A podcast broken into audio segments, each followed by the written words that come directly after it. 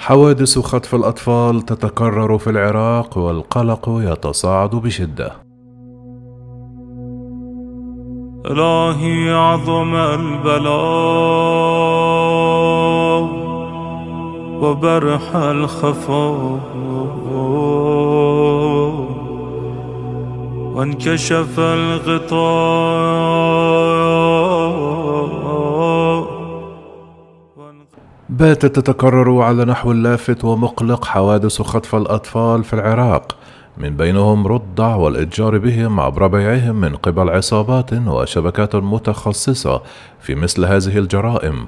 فعلى مدى الأيام القليلة الماضية تم الإعلان من قبل الجهات الأمنية العراقية عن إلقاء القبض على عدد من خاطف الأطفال في مختلف المحافظات العراقية. وفي هذا السياق أصدرت خلية الإعلام الأمني العراقي بيانا جاء فيه بتنسيق استخباري عالي المستوى تمكنت القوات الأمنية في قيادة عمليات بغداد من إلقاء القبض على ثلاثة متهمين بينهم امرأة. كانوا يحاولون بيع طفل من سكنة محافظة نينوى وبعد كمين محكم نصب لهم في منطقة القرادة ببغداد تم القبض عليهم بالجرم المشهود حيث تمت إحالة المتهمين إلى القضاء لينالوا جزاؤهم العادل وفق القانون. كما وألقت مكافحة إجرام بغداد الأربعاء القبض على عصابة كانت تعتزم بيع طفل مقابل أربعون ألف دولار أمريكي حيث كشفت مفارز مكافحة إجرام بغداد قسم مكافحة جرائم الإتجار بالبشر بالرصافة عن وجود عصابة ضمن منطقة الأعظمية تروم بيع طفل ومن ثم تهريبه إلى محافظة نينوى. وفي يوم الاثنين الماضي تمكنت شرطة محافظة البصرة من إلقاء القبض على متورطة بالإتجار بالبشر في محافظة البصرة أقصى الجنوب العراقي.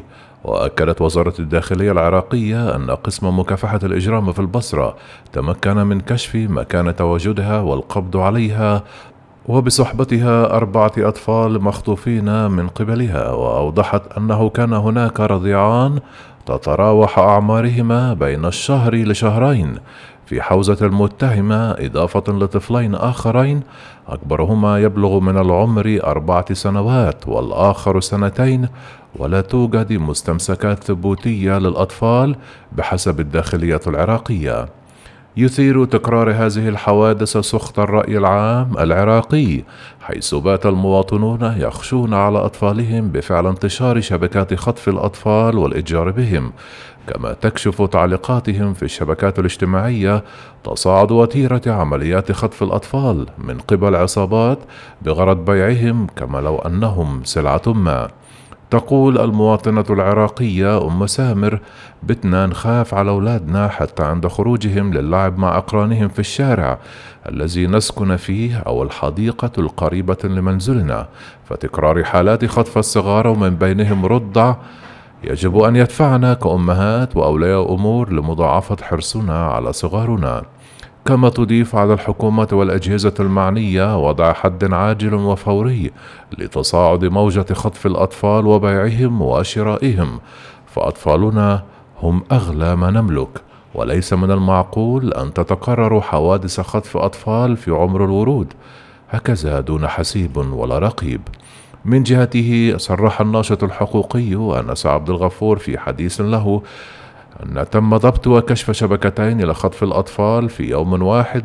يوم الأربعاء هو أمر مفزع وناقوس خطر حيث ثمت ولا ريب شبكات أخرى تعمل وتبيع وتشتري بصغار لا حول لهم ولا قوة. وتابع لا ندري أين الخلل بالضبط. فهل هو في تقاعس الأجهزة المعنية أم في ارتفاع معدلات الجريمة بفعل تردي الأوضاع الاقتصادية والاجتماعية؟ وكيف وصلنا لهذا الحد؟ بأن يتم خطف أطفالنا هكذا بكل دم بارد.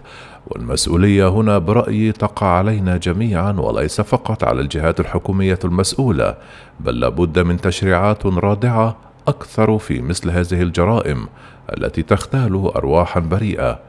ولابد كذلك من تضافر الجهود الأهلية والمجتمعية في سبيل الحد من هذه الظاهرة عبر تعزيز مسؤولية الأهل والجيران وأهالي الحارة الواحدة في التعاون فيما بينهم لحماية أطفالهم من المتربصين بهم من شبكات إجرامية. إلهي عظم البلاء. وبرح الخفاء وانكشف الغطاء.